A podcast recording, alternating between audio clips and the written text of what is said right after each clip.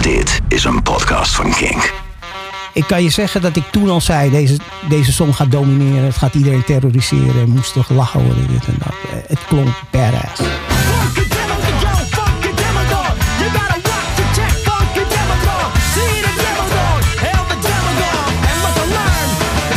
Als Urban Escort werd altijd vaak bekeken zoals men eigenlijk andere groepen bekijkt in de vorm van eh, samenwerking of hoe ze eigen componeren.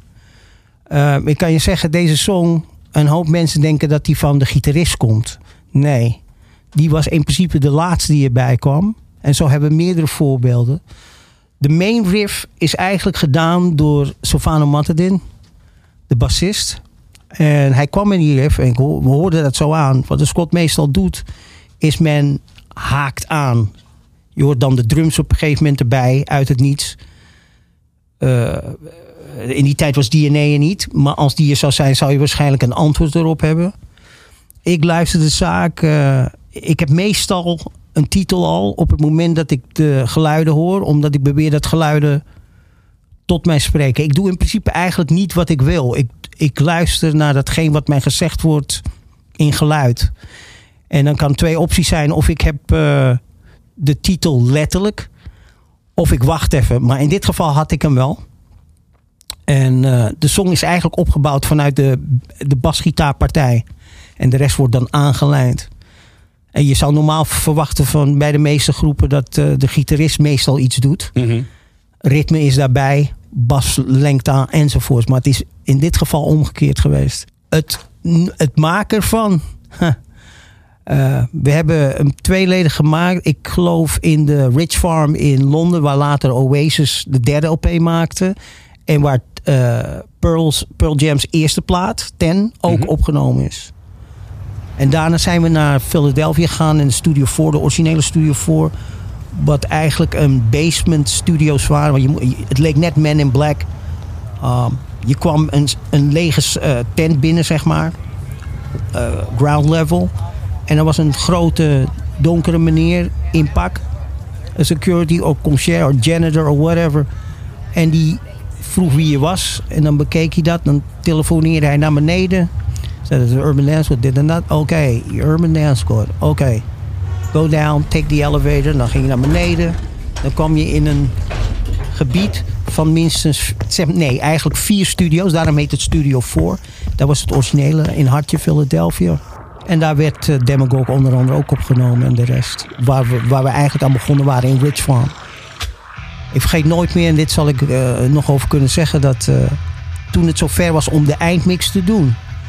In Essentie Studio 4 zaten jonge cats ook. En Joe the Butcher Nicolo. En Phil Nicolo, het zijn broers. En eh, Stiff Johnson. Stiff betekent lul, maar dat is een ander verhaal. dat deed hij expres.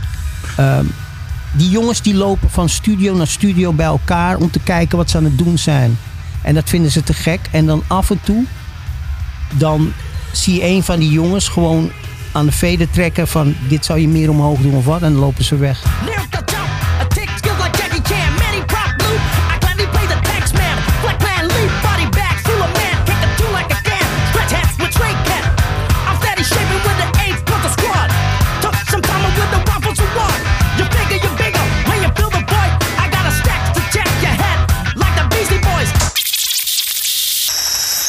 Dus het was een absoluut. Het is een van de weinige keer dat ik echt een kruisbestuiving zag tussen projectjongens onder elkaar. Want veel wordt, dat, wordt vaak dat gesuggereerd. Ja. Maar ik heb het gezien. Ehm, dus toen de, studio, toen, toen de mix werd gedaan van Demagogue. het was zo overweldigend. De- ze deden de deur open. Dus die andere jongens die kwamen dan af en toe kijken. En die bleven dan eens kijken. En dan hoorden ze de track ik kan je zeggen dat ik toen al zei: deze, deze song gaat domineren. Het gaat iedereen terroriseren. Moest toch lachen worden, dit en dat. Eh, Het klonk badass. En toen wist ik dat Demagogue eh, vrij goed was. You're all a bunch of fucking idiots! You'll get one number and one number only, because I'm a lazy bastard. This is no fun. En ieder die in de rock'n'roll business of, of in eh, popmuziek zit. En meestal is het een zanger of eh, iemand anders. eh, die kan van alles flikken op een podium wat hij wilt. Het is bijna hilarious. Het is bijna lachwekkend. Maar dat is hoe het is. Dit is nou eenmaal het spel. En ik zat daar een beetje mee te rotzooien van, ja, demagogue, oké. Ehm, ik had al gezegd, ik had de titel al, maar op een gegeven moment ga je het uitwerken. Dus dat was één element wat ik eigenlijk hanteerde. Het tweede element was gewoon van dat je, als je een thema hebt, moet je hem uitwerken. Dus eh, dit is eigenlijk niets anders dan eh, je zoveelste eh uitventen van een opschepper. In de zin van het is entertainment, maar vaak is die rotzooi zo over de top dat het, dat het net lijkt dat het echt is. Zo, demagogue, ik zeg allemaal dingen die eigenlijk moeten versterken dat de persoon in kwestie, die zich dan een demagogue noemt en alles flikt, eh, hoe geweldig hij eigenlijk is. En dat is eigenlijk toevallig dat thema, meer niet. Dit is een van de. Je zou in essentie zeggen: het is een luchtiger thema. En dat is helemaal niet mis, omdat rock'n'roll eigenlijk niets anders is dan dat. Sensatie en de seks en de drugs, en dat kennen jullie wel. Eh Demagogue is nothing but rock'n'roll, basically. Ja. Alleen over de top. Maar als we jou dan op het podium zien, in hoeverre is de Root Boy onstage dan echt een compleet andere persoon dan degene, Patrick, die hier zit? Nou, de rotzooi hoort op het podium thuis en in een studio en niet op straat. Daar is alles mee gezegd. Ik ben niet de type dat. eh, en dat heb ik nooit gedaan. Dat komt misschien de opvoeding, intelligen- een beetje intelligentie. Om eigenlijk uit te venten dat ik heel geweldig ben, zelfs op situaties waarbij het niet, totaal niet past. Die twee zijn, moeten voor mij vanaf het begin gescheiden zijn. Als je dat niet kan, zegt het vrij veel over je karakter en als mens. Eh, en uiteindelijk het fenomeen, of eh, de uitspraak wat mensen zeggen van je moet jezelf niet zo serieus nemen. Nou, dat is wanneer dat van toepas, toepasbaar is. En vaak gaat het fout, hè? Dat dan op een gegeven moment het de overhand neemt. Dat, Dat zijn de meeste. Ik hoor altijd lulverhalen van mensen die zeggen: ja, eh, dit en dat. En ik was toen een andere gozer. Ah, hou op, man. Je hebt het vanaf het begin ver- verkeerd begrepen. Want dit is allemaal illusie. Maar die illusie om het te doen, moet je het 100% doen. It's like acting. Je, ehm, je gaat de rol moeten innemen. En eigenlijk niet eens dat je tegen jezelf zegt, maar uiteindelijk moet het zo snel vloeien. Alsof je een soort ziekte krijgt of zo. En dat stopt het moment dat je het podium afloopt. Het stopt wanneer je de studio uitloopt.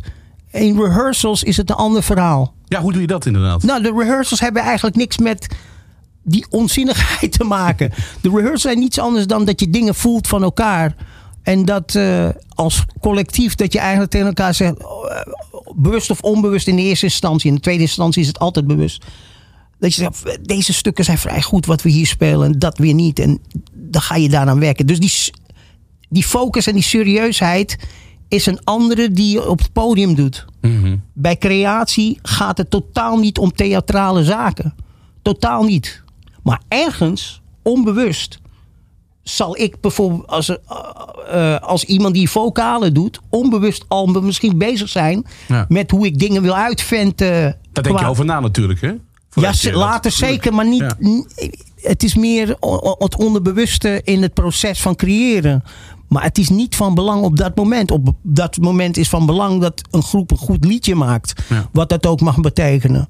Met de nodige eh, begin, middenstuk, eindstuk, wat dat ook mag betekenen. En daar focus je extreem op. De ene keer heb je het gelijk in je, in je, in je lab geschoten. Er wordt het gewoon op je gegooid. Andere keer moet je iets meer aan fine-tunen en, en checken. Sommige dingen duren jaren. Sommige dingen zijn, heb je al, maar die heb je gewoon in de ijskast gezet. En dan komen ze bij de vierde P, LP bijvoorbeeld eruit. Ja, precies. En, en de, de verslaving die je misschien voelt op het podium wanneer je die, die, die rol speelt, kan ik me ook heel goed voorstellen dat je dan. Als ik eerlijk zeg, ben ik niet verslaafd aan. Ik, Het is zo eh, natuurlijk en organisch voor me. Het is niet zo dat er extra dopamine wordt aangemaakt in je hoofd dat je. Dat zal best. Dat, dat zal ik niet betwijfelen. Mhm. Dat zijn processen, lichamelijke processen die hè, lijken me menselijk.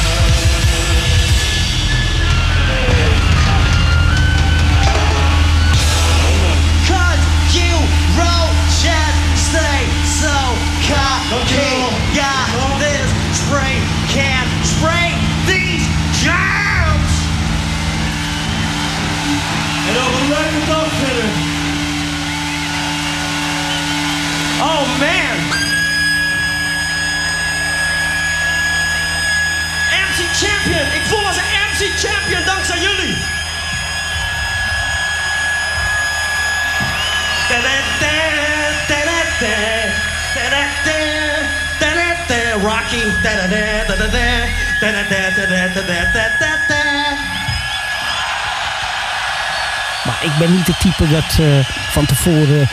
Ik ben geen Adolf Hitler die toen de tijd eh, een, een ambassadeur eh, in 38, 39 eh, moest ontvangen. En dat hij ehm, te vroeg kwam. En hij was, ten eerste was hij ook niet gewaar van dat die man een bezoek zou brengen. En zij desbetreffende mensen onder hem, die eigenlijk zaken voor hem regelen. Die zeiden, die en die is daarvan. Ik weet niet of het Hongarije was, weet ik, moet ik even teruggeleiden. Maar ehm, hij zei, wat? Hij zei, ja, hij staat in de wachtkamer. Waar? Nou, in gewoon de wachtkamer. Hij zei, godverdomme god. Geef me 15, 20 minuten. Nou, dan ging hij zo'n tirade in zijn kamer houden. 15, 20 minuten. Zegt hij, nu wil ik hem ontvangen. Nou, en dan kwam die man, die kwam natuurlijk met iets waar hij niet mee eens was. Waarschijnlijk het inlopen van het land. en dat die kerel zo fucking om zeep werd geholpen verbaal. Dat die man dacht, bad, dat was een slecht idee om dit te doen. en dit was een van de trucjes die Hitler deed. Dus dat, dat doe ik niet. Ik, eh, ja, en ik hou ik ervan als, als ik niet eens het podium het liefst ken. Eh, ik ga het toch doen. En ik kan heel makkelijk het omzetten, laat ik het maar zo zeggen. De ene keer is het een bit rusty, de andere keer heel snel. Maar ik kan het gewoon omzetten.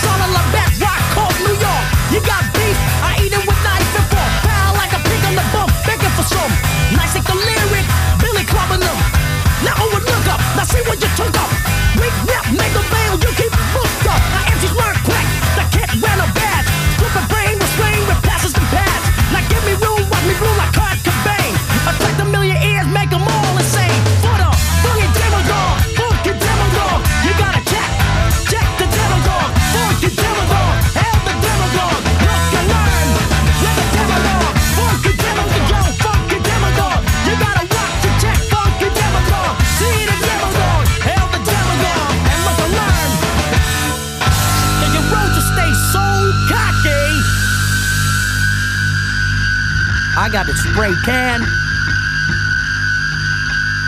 Spray them drums.